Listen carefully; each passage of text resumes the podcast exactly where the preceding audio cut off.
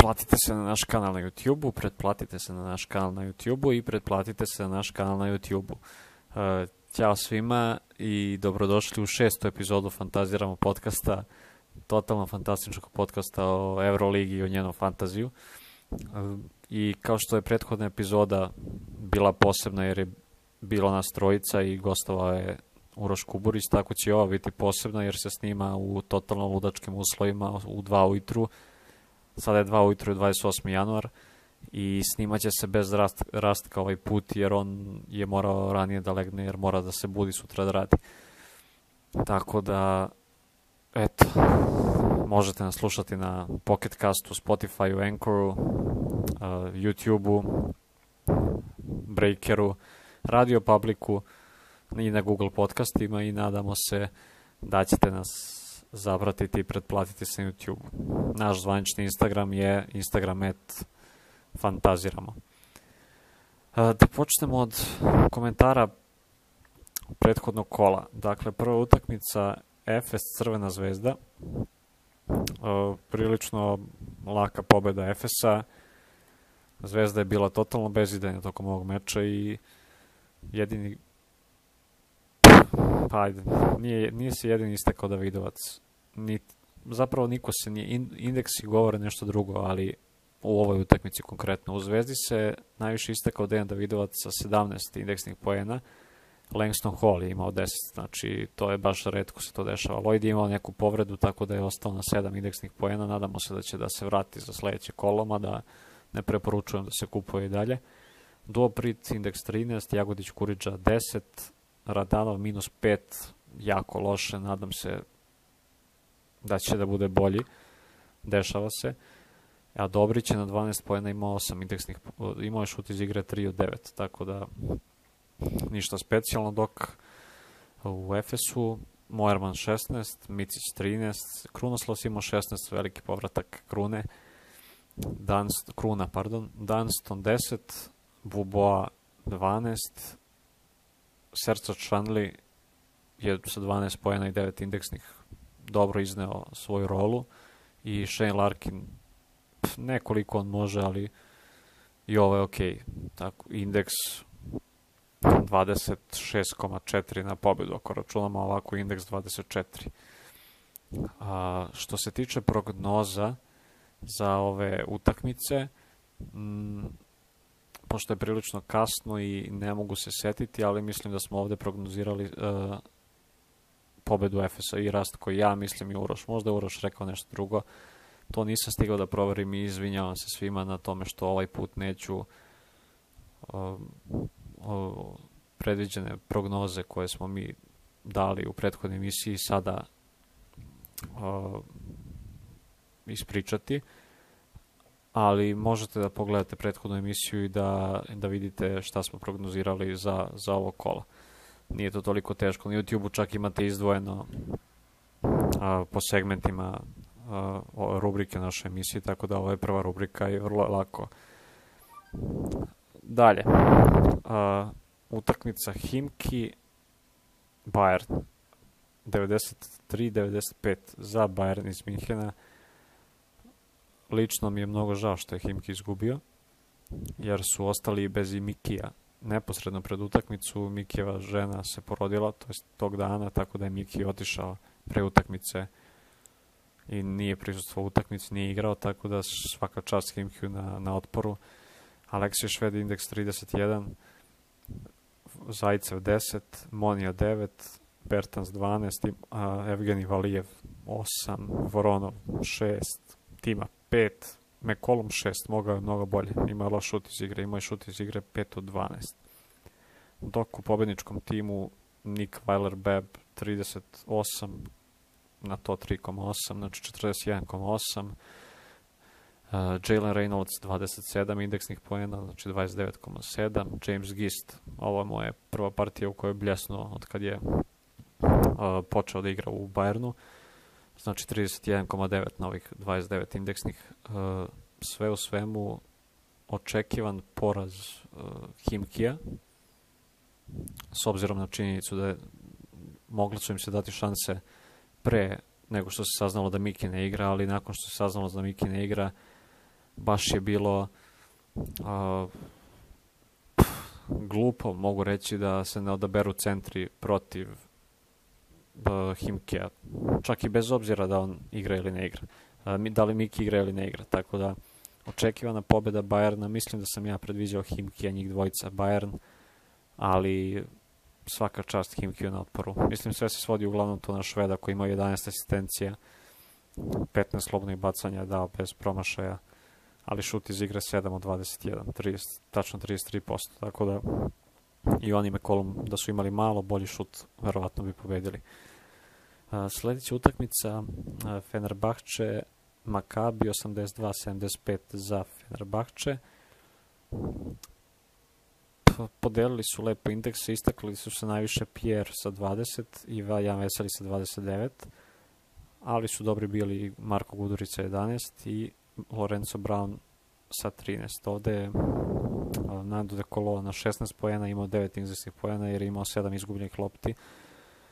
Srećom to nije koštalo Fener. E, pobede ovaj baš jaka utakmica za Fener i još jedna pobeda. Debitovao je Kylo Quinn, igrao je minut i po i cena na fantaziju mu je 1,11 miliona, za što trenutno je previsoka s obzirom na minutažu i to još pala sa 1.20 na 1.11, a nije ga uopšte bilo u protokolu da se bira, tako da fantasy admini nastavljaju sa svojim glupostima. A, u Makabiju su se najviše istakli Elijah Bryant sa 16 i Scottie Wilbekin sa 22, ostali su svi bili jednocifreni i bila je ok borba, znači utakmica je bila ujednačena do do samog kraja. To nije baš bilo onako kako je, mislim, Fener je vodio jednocifrenom razlikom i pred kraj se odvojio na dvocifrenu u nekom momentu. Ali svaka čast ovaj, Makabiju i, i Feneru na uzdizanju. Fener nastavlja da, da grabi ka gore i sada ima isti rezultat kao i Efes. Na ivici su top 8 sa skorom 12-10. Uh, utakmica Armani Olimpijakos je takođe bila jedna od zanimljivijih utakmica u ovom kolu, gde je njih Armani dokrajčio u poslednjoj četvrtini. Najbolji Armanio su bili Panter i Delaney. Panter imao 33 indeks, dok je Delaney imao 25. Uh, Morakšini je imao 10, a Kyle Heinz 11. Ostali svi, Ledej moram reći 13. Ledej prosek, ali ok. Uh, ostali svi bili jednocifrani, dok se najviše, najviše su istekli u, u, gubitničkoj ekipi Kostas Lukas sa 19 indeksnih poena, uh, Saša Vezenkov sa 20 indeksnih poena i Charles Jenkins prva dobra utakmica uh, u Euroligi od kako je došao u mislim da, da ne grešim dušu imao je 10 indeksnih u petom kolu i 10 indeksnih u devetom kolu kao, a ovo sve ostalo je bilo jednocifrano i jako slabo. Dobra pobeda za Armani, oni se onako uzdižu lepo i sigurni su kandidati za top 8 e, gotovo pretendenti za Final Four. E, sad, sledeća utakmica Zenit Barsa. Sećam se da smo sva trojica rekli da će utakmica bude može otići na jednu i na drugu stranu, ali da će da da očekujemo da će Barca to da dobije, iako je Zenit jako čvrsta ekipa i mogu se boriti sa, sa Barcelonom. I tako se pokazalo jer Zenit je u poslednjoj četvrtini prišao na samo četiri razlike koliko su izgubili. Gubili su 19 pre poslednje četvrtine, a na kraju su izgubili samo četiri razlike. A šta je ovde bilo? u Barci petorice igrača su razdelili indekse, Brando Davis 18, Corey Higgins 13, što je malo za njega na 14 pojena, Kyle Kurik ima 21, on je bio jedan od bitnijih faktora, u stvari možda i najbitniji faktor Barcelonine pobede. Sergio Martinez jako mala, veoma mala minutaža, 3 minuta i minus 2 indeks. Nikola Mirotić loš indeks, ušao je u problem s faulovima, imao je 10 indeksnih pojena na kraju i Nike Lates 21. A, što se tiče Mirotića, očekivalo se od njega da kod kuće odigra bolje, međutim i malo falovi, malo neki promašaj.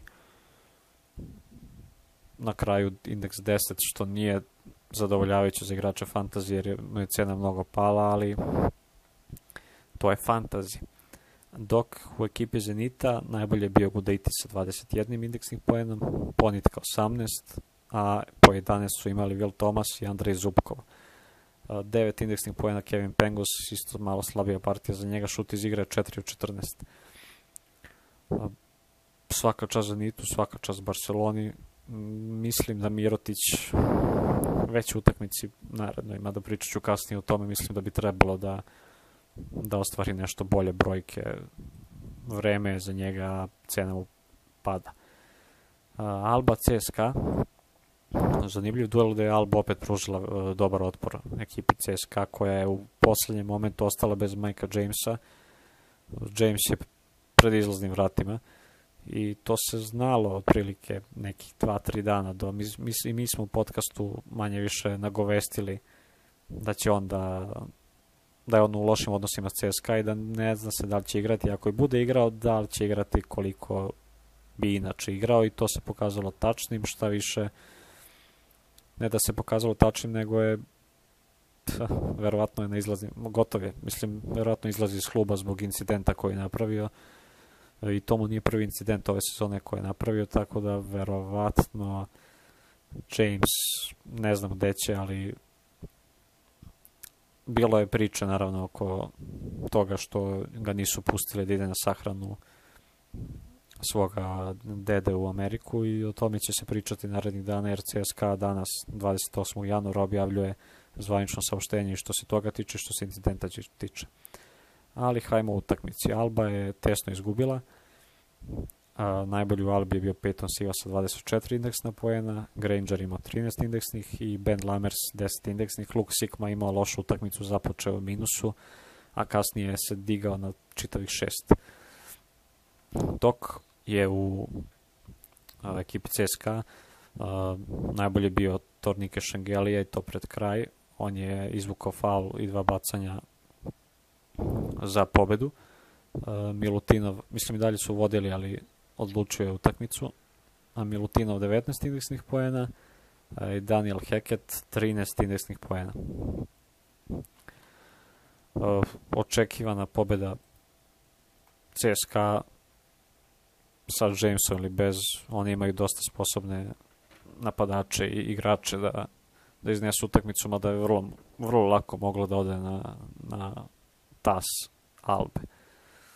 Svaka čast Albi isto na borbi, ništa malo dolo 4 indeksna pojena jako loše za njega i Sigma pa i Timan, ajde. Timan 5 indeksnih pojena. Mogao je, mogao je više. Asfel je dobio Baskoniju, što sam rekao da može da se desi jer je dobio i Valenciju, a Valencija dobila Baskoniju u prvenstvu za vikend 20 razlike. Baskonija putuje stalno sad u poslednje vreme i nije im baš najlakše da, da igraju. Najbolji u, u Asfelu su bili uh, David Lighty sa 21 indeksnim poenom, William Howard koji se polako diže, diže mu se i cijena i njegov učinak sa 13 indeksnih poena, kao i Norris Cole koji se isto uh, prilično dobro igra u poslednjih nekoliko utakmica, ima indeks 18. On je inače veoma dobar šuter. Uh, nema baš najbolji učinak u poslednjih nekoliko utakmica, ali generalno dobar šuter i da kad ga krene šut može, može doći do veoma, veoma dobrog indeksa.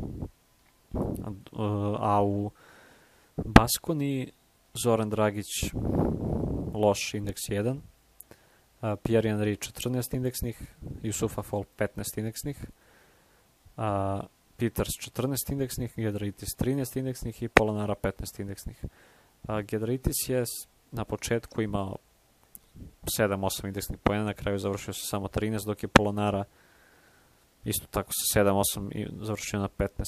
Iskreno nisam gledao utakmicu celu, znam da se Luka Vildoza povredio i to može biti jedan od polnih stvari za ovu utakmicu, jer Baskon i ovaj poraz uh, osim što je od Asfela koji je pridnu tabele, zapravo ih u stvari sad i približava ovom autu, ne play outu, nego od, odaljava ih od top 8 zapravo, jer imaju skor 9-13. I žao mi je zbog toga, jer Baskoniju kao tim uh, specifičan je tim i, i poštujem ih. Veoma ih poštujem kao tim. A, utakmica Real Panathinaikos ovde ovde je baš bilo a, što se kaže totalno nevjerovatnih stvari. A, najnevjerovatnija stvar je verovatno za sve igrače fantazija a, Tavares. Walter Tavares je imao samo 4 poena i 7 indeksnih poena celih. Najbolji u Realu je bio Gabriel Deck sa 29 indeksnih pojena i Karl, Carlos Alocen sa 13 i Kozer sa 11. Real je ovu utakmicu pobedio 10 razlike, ali na polovremenu je vodio 20. Panathinaikos je dobro prišao u, u, u drugom polovremenu, ali nije uspeo da se izbori sa Realom. A, št, koji je problem s Tavaresom? Pa Tavares je loše počeo i u zaređao je dva faula u napadu, što znači faul u napadu i turnover, faul u napadu i turnover, to je bilo 4 poena. Kako već to znao ranije da radi, a, kod njega nervoza dolazi do izražaja i igrao je samo 23 minuta. To nije uticalo na a, da Real izgubi, jer nije on jedini najbolji igrač, ali mnogi su se pokajali što su ga imali u timu, između ostalih Rastko, Rastko, drži se brat moj, ne daj se brate, Rastko sad spava nemirnim snom, ako uopšte spava, njega je Tavares veoma iznervirao. Kao i u ostalom, verujem, i, i ostale igrače koji su ga imali u timu. Ja ga u nekim timovima jesam, imao u nekim timovima nisam. I posljednja utakmica Valencija Žalgiris. Uh, isto još jedna show utakmica Žalgirisa preokrenuli su, zapravo vodili su 70-77 i onda Valencija stiže na 78-77 i Žalgiris Marius Grigonis, sjajni Marius Grigonis daje koš za pobedu. Vratio se Bojan Dubljević sa indeksom 1 šta reći Martin Hermanson 14, Mike Tobi 16, Alaberi 19 i Kremen Prepelić 20. Vanja Marinković se takođe izvratio, on je za 16 minuta imao indeks 3. Igrači koji se vraćaju iz povrede, kao što smo i ranije rekli, su za izbjegavanje i uopšte redko koji igrač koji se vrati iz povrede ili iz koronavirusa, to se isto može smatrati povredom, može da, da odigra baš dobro, tako da Dubljević idemo, sledimo pad cene i bit će pristupačan većini igrača fantazija već u sledeće kola. Dok u Žalgirisu timski su lepo su iznali utakmicu uh, Loveri 15, Grigonis 10, Jokubaitis sjajni 16, sa četiri lične greške 16 indeks svaka čast za 13 minuta samo odigranih. Znači svaka čast Jokubaitisu 5 od 5 za 2 iz igre. Uh, Agustin Rubit 13, Paulić Jankunas veteran, sjajni Paulić Jankunas 12 i Tomas Vokap 11 indeksnih poena. Zanimljivo kolo Evrolige, zanimljivije nas još čeka, ali tome ćemo na kraju ove emisije. A sada možemo preći na našu drugu rubriku, a ta druga rubrika je uh, analiza specifičnih igrača koji su bili preporučeni kao isplativi i sigurni za kolo koje je prethodilo. Počet ću od Uroševih preporuka jer je on preporučio sedam igrača, nije delio na kapitene i na a, dobre izbore. A, Uroš je preporučio Nikola Mirotića i Tavareca, što su mu u stvari bile najveće greške. Mirotić je imao a, 11 indeksnih poena, 10 i plus 10% na pobedu i pao je za 230.000, a Tavares je imao 7,7 indeksnih pojena i rekao je da bi njega stavio za kapitena i to mu u stvari bio najveći promašaj i Tavares je opao za, za 200.000. Dok su mu igrači ostali bili uh, Jan Veseli sa indeksom 31,9 i skokom cene za 270.000, uh, Jalen Reynolds indeks 29,7 i skok cene za 50.000, Boldvin je bio malo slabiji što se tiče cene, indeks mu je bio prosječan, imao indeks 11 protiv Himkija u gostima i pao je za 120.000. Preporučio Jordana Mikija koji nije igrao jer mu se čerka rodila i čestitamo Jordanu Mikiju još jednom. I preporučio Zeka Ledeja koji je imao prosječan indeks od 14,3 i iskočila mu je cena za 20.000. Što se Rastkovih kapitena tiče i preporuka, Rastko je za kapitene preporučio Tavaresa, Milutinova i Mirotića.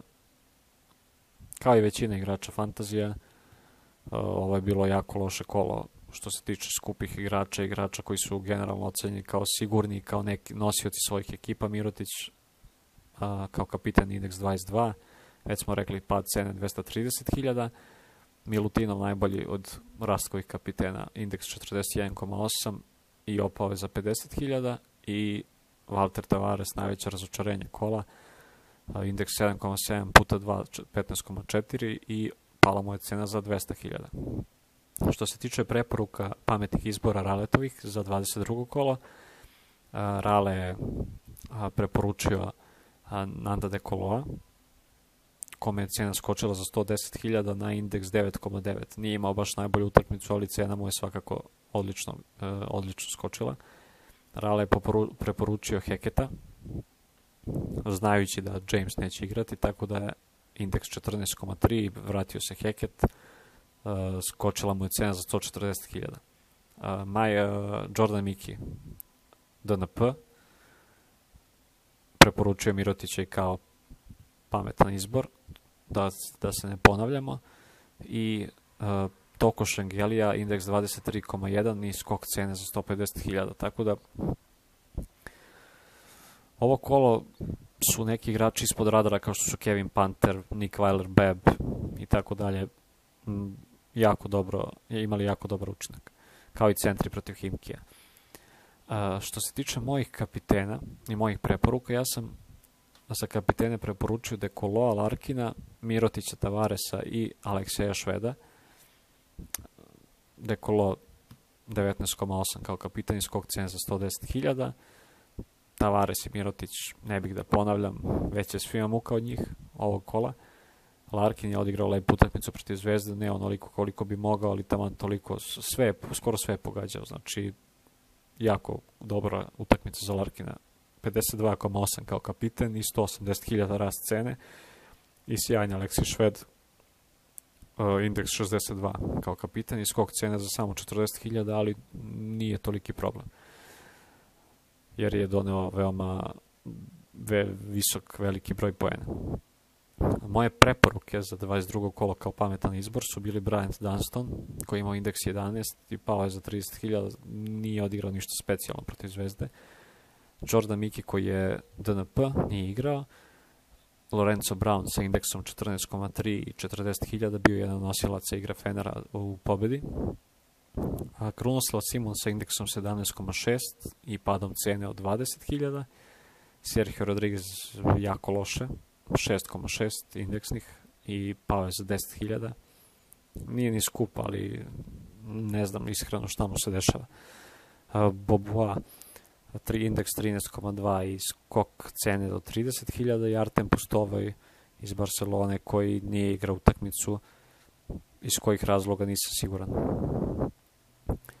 A, to su bile naše preporuke za 22. kola nismo se mnogo proslavili u ovom 22. kolu. Nekoliko smo pogodaka imali, ali ti pogodci su bili dosta manji u odnosu na ono što na, na većinu. Ti pogodci su zapravo bili manjina naših preporuka. Ali dobro, takvo kolo, to je sve fantazi. Moramo reći da ništa na ovom svetu nije sigurno. Što se tiče naše sledeće rubrike, a, to su naši lični timovi. Ja sam u svom timu a, kupio Šveda. Prvo što moram da kažem je da sam ja ispravo imao Jamesa Pantera i Dunstona, ali James, svi smo saznali tu vest neposredno pred Zvanično smo saznali, inače smo znali manje više. A, tako da sam ja u tim kupio Šveda, Dilenija i Veselog. I vrhunski sam prošao, znači od njih trojice sam zaradio 430.000, a u poenima sam tu dobio preko 115 poena od trojice igrača, znači u proseku Šved je imao 31, Veseli 31,9, a Delaney 27,5.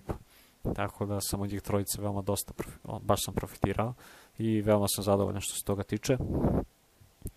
A dok je Rastku tim uveo Dekoloa, Lukasa i Kozera i Rastku u tom timu profitirao 100.000, najviše profitirao Dekoloa, Slukas je opao za 50.000, a Kozer je skočio za 40. Uh, Dekolo 9,9, Slukas 19 i Kozer 12,1. A koje ću ja izmene da izvršim u ovom kolu? Uh, umesto Malcolm Delaney-a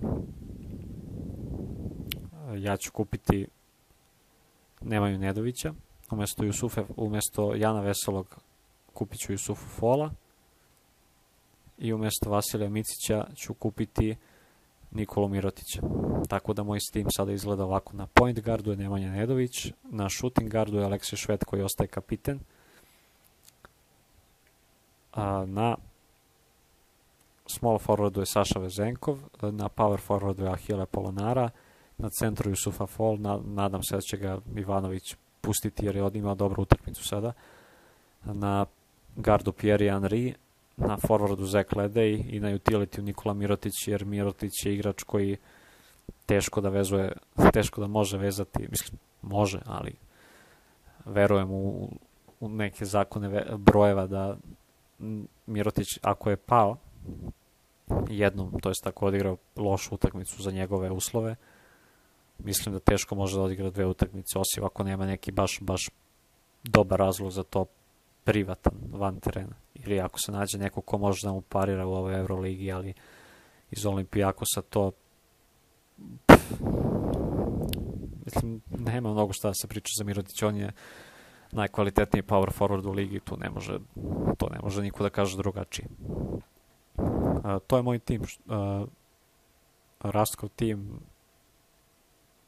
se zna pre izmena.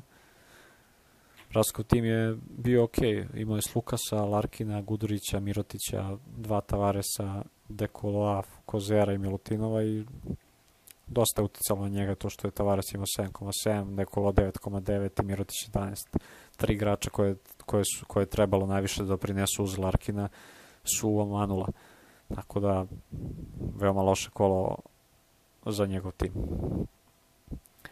A, možemo sada preći na našu sledeću rubriku.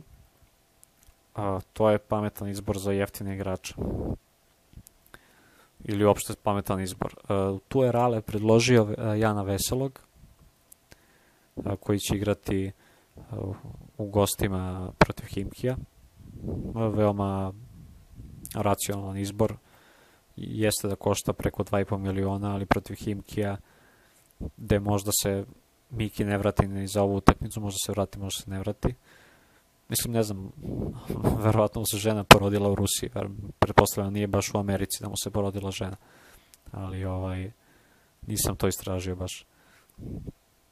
A, on je preporučio Jana Veselog, on je preporučio Toko Šengeliju koji je odigrao dobru utakmicu protiv Albe i sad igra kod kuće a, protiv Bajerna, jedan nosilaca igre a, CSKA preporučuje Bena Lamersa iz Albe. Alba igra kod kuće protiv Real Madrida. To je jedan od hrabrih izbora, jer isto kao i za Mirotić Tavares će verovatno odigra dobru utakmicu i preporučuje Marka Gudurića iz Fenerbahča koji igra u gostima protiv Himkija. Isto dobar izbor. Sad naravno on je bio dosta razočaran a, ovim Tavaresom, tako da je predložio igrača na brzinu i otišao da spava. Tako da drži se još jednom, brat, boj, alo, drži se. Nije, nije lako nikom od nas koji ima Tavaresa u bilo kom timu, tako da ume fantazi, ume da, da zezne. A, a što se tiče mojih izbora, pametnih izbora i preporuka, ja sam za ovo kolo moje preporuku se Toko Šengelija iz CSKA, kao i njegova preporuka, znači 1,67 miliona. E, Jusufa Fall iz Baskonije, 1,52 miliona. Nadam se da će Ivanović da ga pusti. Daniel Heket, nesumljivo, postaje glavni igrač play. Možda i Strelnijeks, možda mu pomaže Strelnijeks, ali Heket je tu, ja mislim, neprikosnovan u CSKA. Trojka, Hilliard, Heket i Strelnijeks, ajde da kažem, Bekovska će tu da na, na beku da vodi kolo, dok će na centru i na četvorci biti uh, Milutinov i Šegelija kao glavni igrač, igrači. Uh, Norris Cole. Norris Cole uh, gostuje Crvenoj zvezdi i on je u dobroj šuterskoj formi i mislim da može dosta da prinese pobedi Asfel ako Asfel pobedi. Uh, Norris Cole košta 1,17 miliona i veoma isplativ za neke timove koji kojima treba novca ili fali novca za dobre igrače, tako da ista stvar i sa Korijem Voldenom. Kori Volden igra kod kuće utakmicu, Zvezda protiv Asvela, Zvezdi je pobeda ko hleb nasušni sada. Nije da imaju neke šanse u Euroligi, ali zašto se ne bi borili za top 8 kad su već došli u situaciju da imaju novog trenera i nikad se ne zna, to je sve košarka, to je sport, tako da Cory Walden sa 0,93 miliona mislim da bi mogao da, da ima jako dobru utakmicu protiv Asfela. A, jer se Asfel a, As, Asfelovi bekovi i, i igrači koji bi čuvali Corey Waldena nisu a, neki odrombeni igrači, a Corey Walden je pokazao da je u presudnim momentima nekad umeo da bude klasa. Tako da verujem u Korije Voldena protiv Asfela, kao što verujem i u Norisa Kola. Mislim, sve se gleda, gleda kroz prizmu fantazije u ovoj emisiji. I poslednji igrač iz mojih pametnih izbora je Simone Fontecchio koji košta 0,85 miliona i on je sad protiv CSKA ima indeks 1, ali verujem u njega i nadam se da će imati malo bolji indeks. A, sa 0,85 miliona ne može, i za njega mislim kao i za neke mnogo bolje igrače da on a, ako bude imao dobru utakmicu to će biti utakmica ko, u kojoj protiv tima koji im nije toliko mislim protiv tima gde nemaju nešto mnogo što gde, gde su svi rasterećeni tako da Alba je većinom sad rasterećena u Euroligi i protiv Reala mislim da će to da bude prilika da, da odmere snage tako neki igrači koji nisu mnogo istaknuti, a opet su nosioci igre kao što je Fonteki u Albi. A, što se tiče kapitena, Rale je predložio Veselog, Mirotića, Tavaresa i Larkina. Veseli sasvim razumljivo, s tim što ja mislim da Veseli možda ne bude imao toliki indeks, jer Veza već nekoliko dobrih utakmica sad idu na put u Rusiju i vrlo je moguće da on ima indeks nekih 15 tako da bi možda bilo nekih isplativih kapitena. Što se tiče Mirotića, već je rečeno, veruje se u njega i, i treba da se veruje u njega jer je on najbolji power forward u ligi. Takođe što se tiče Tavaresa na centarskoj poziciji, teško da može da veže dve. Mislim, videli smo večeras da protiv Panathinaikosa gde je realno trebalo da bude jedan od glavnih igrača, bio je totalno nebitan što se indeksa tiče i jako loš. On će protiv Albe izvesno i pokušati da popravi svoj loš učinak. Tako da sasvim logičan izbor njega za kapitena i Shane Larkin u gostima protiv Makabija, to su dve šuterske ekipe i Makabi, pardon, Shane Larkin je rekao, evo sad, sam sebe zatičem u, u ovaj u grešci. Uh, Makabi i Efes neće igrati svoju utakmicu, ajde to da kažem sad već te zvanične neke informacije. Uh, utakmica između Makabi i Efesa neće biti odigrana uh, zbog dozvola koje iz, iz Izrael kao država nije omogućio za Efes, ako sam dobro razumeo. I odigra, bit će odigrano u prvom sledećem terminu i zbog toga uh, bit će četiri izmene. Umesto, dos, umesto normalne tri imat, imat ćemo još jednu dodatnu izmenu za, za kola broj 23.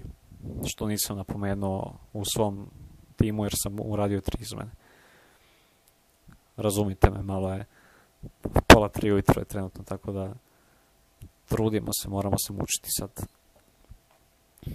A, Maccabi Efes se dakle ne igra, tako da taj kapiten Larkin otpada. A, što se tiče mojih preporuka za kapitena, tu imam četiri kapitena, Šved kod kuće protiv a, Fenera, veliki motiv, veliki timovi, dobro, Himki nije toliko, ali a, veliki motiv za Šveda da se dokaz, dokazuje i da možda promeni tim već sledeće sezone, jer Himki ove godine raspad, ne znam šta će biti s njihovim financijama ove godine. Jako je to upitno. A, onda Tavares kao kapiten protiv Alba u Berlinu. A, zatim a, Pierre Henry kod kuće i ja mislim da je vreme da Pierre Henry ima indeks preko 20. Igraju kod kuće protiv Žalgirisa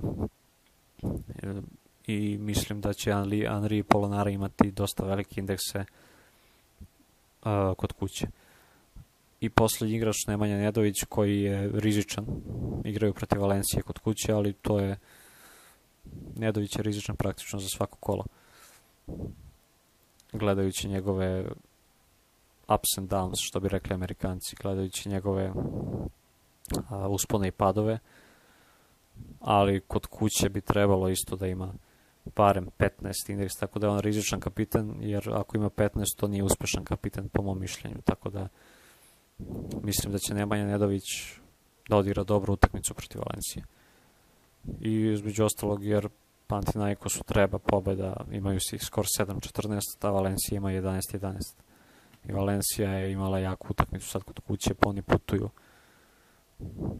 putuju u Grčku, tako da ekipe koje putuju u Euroligi mislim da imaju dosta pogotovo ako putuju nije to neka velika razdaljina, ali na primjer ako se putuje u Rusiju, mislim da ruski timovi imaju dosta veću prednost kad, kad neko putuje kod njih jer je daleko. Kao i što kada ruski timovi putuju u Španiju, dosta imaju manje šanse pobede jer je previše daleko, kao što je bio slučaj sad Zenit, Barcelona. To su sve naporni putevi.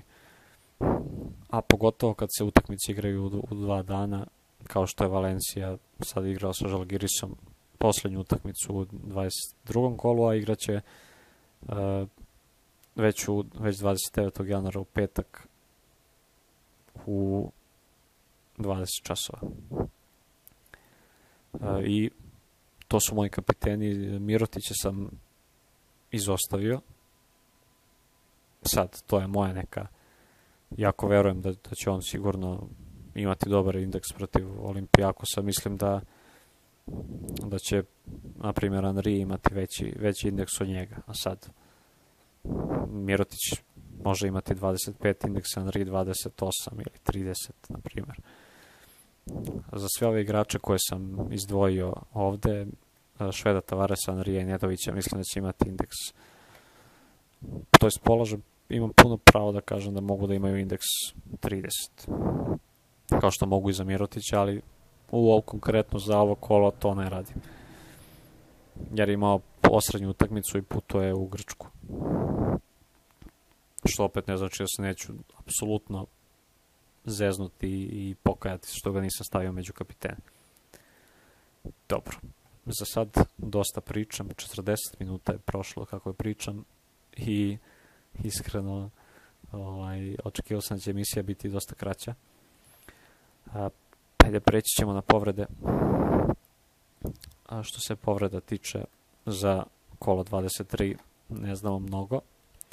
JC Carroll je napustio utakmicu u trećoj četvrtini sa povredom stopala, on će biti odsutan. Luka Veldoza takođe a, je napustio utakmicu sa povredom leđa. A, za Lučića se još ne znam da li će igrati, za Klajborna se još ne znam da li će igrati, za Voltona, za Jabuselea se ne znam da li će igrati. Dosta neugodno kad se igraju uh, dupla kola tokom nedelje, tako da dosta se stvari ne zna. Mike James verovatno neće igrati. A, recimo da Shavon Shields isto verovatno neće igrati. Što se povreda tiče, jako je dosta stvari upitno. Ne znamo ni Lloyd šta će biti sa Lloydom. Uh, on je imao slabiju povredu, mogao je da hoda do klupe, ali to se takođe ne zna, tako da što se povreda tiče, mislim da možemo preskočiti taj segment, jer prosto oni igrači koji su ne znam, O'Brien moguće da neće igrati, moguće da će igrati zato što igrao samo 3 minuta protiv Efesa, jer uh, u drugom polovremenu nije bio ni na klupi, Radonjić je to odlučio tako i ta odluka se poštuje, imao je neke nerazumske šutove, šuteve i trener Radonjić ga je stavio dao mu je minornu, minornu ulogu na utakmici protiv Efesa, što je možda uticalo na, što bi možda uticalo da, je on, ga, da ga je ostavio, možda bi uticalo blaže na, bio bi možda blaže poraz, ali to je jedna disciplinska mera koja, koja daje rezultate u većini slučajeva. Ne znam i da li će Miki da se vrati, da li će Jović da se vrati, da li će Plajs da se vrati, da li će Kuzmić, Buker, što se povreda tiče, stvarno je nemamo nikakve informacije trenutno, osim toga da James najverovatnije neće igrati i to je to.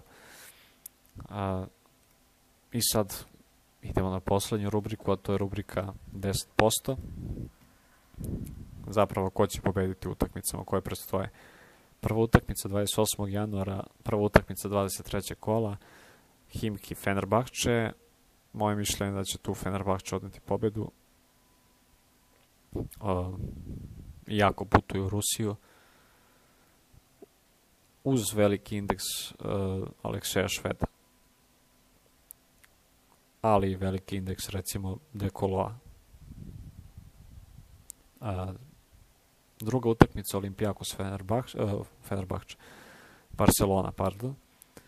Uh, Barcelona bi trebalo tu da odnese pobedu. Prva je u Euroligi, Olimpijakos je na granici za top 8, tu je na pobedu od top 8 trenutno, tako da očekujem pobedu Barcelone uz dobru utakmicu Mirotića, dobru utakmicu Vezenkova i dobru utakmicu Korija Higginsa eventualno. Utakmica Maccabi Efes, kao što smo već rekli, se odlaže, ali tu bih rekao da bi pobednik bio Efes, recimo kad bude utakmica, ja kažem da će pobednik biti Efes i da će tu da Larkin da ima opet dobru utakmicu, kao protiv Zvezde. A, što se tiče utakmice Armani Zenit, uf, ovde stvarno ne, ne znam, ovde su šanse 50-50. Ovde mogu da kažem da, da možda će imati dobre indekse opet Kevin Panter, a iz um, Zenita recimo Kevin Pengos, dva Kevina će da imaju dobar uticaj na ovu utakmicu.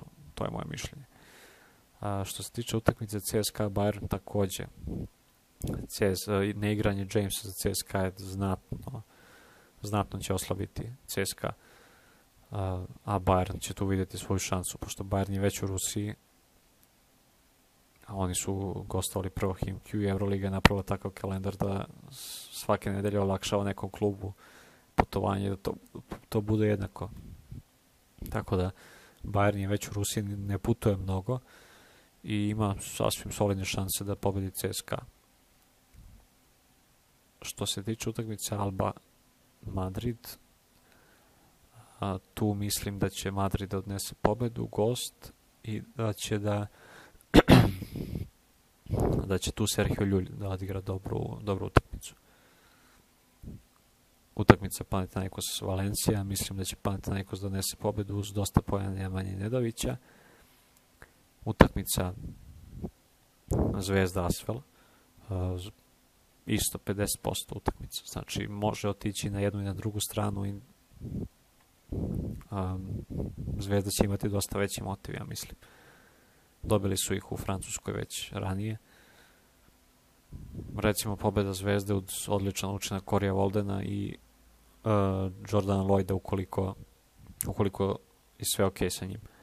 Utakmica Baskonija Žalagiris uh, sve više uh, poštujem Baskoniju i sve više ih uh, volim kao što je i Žalgiris veoma poštujem.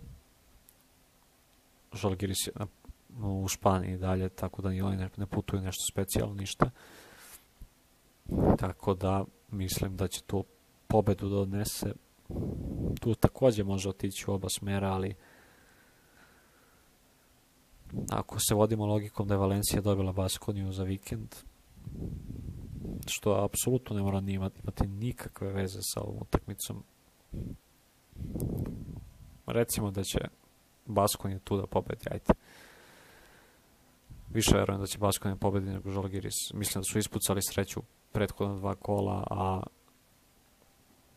a sa 13-9 skorom, a Baskonija na 9-13. Tu će jednoj i drugoj ekipi pobeda značiti dosta, baš dosta. I, i mislim da će to biti Baskonija. Eto, uradio sam ovu emisiju, nekako sam izvukao. Sada je 2.35 ujutru. Uh, vi ćete ovo slušati verovatno kad se probudite 28. januara ujutru ili popodne. Uh, hvala vam što ste slušali još jedan podcast Fantaziramo. Ovo je bila naša šesta emisija. Očekujte još nekih gosti u narednim emisijama.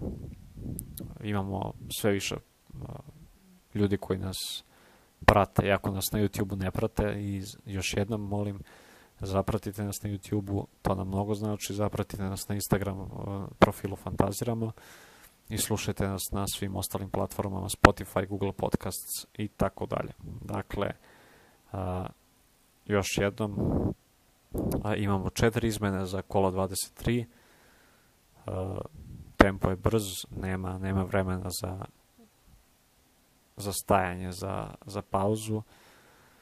Uh, I feel devotion. Pozdrav svima i, i vidimo se negde naredne nedelje i čujemo pred rundu 24. Pozdrav i ćao.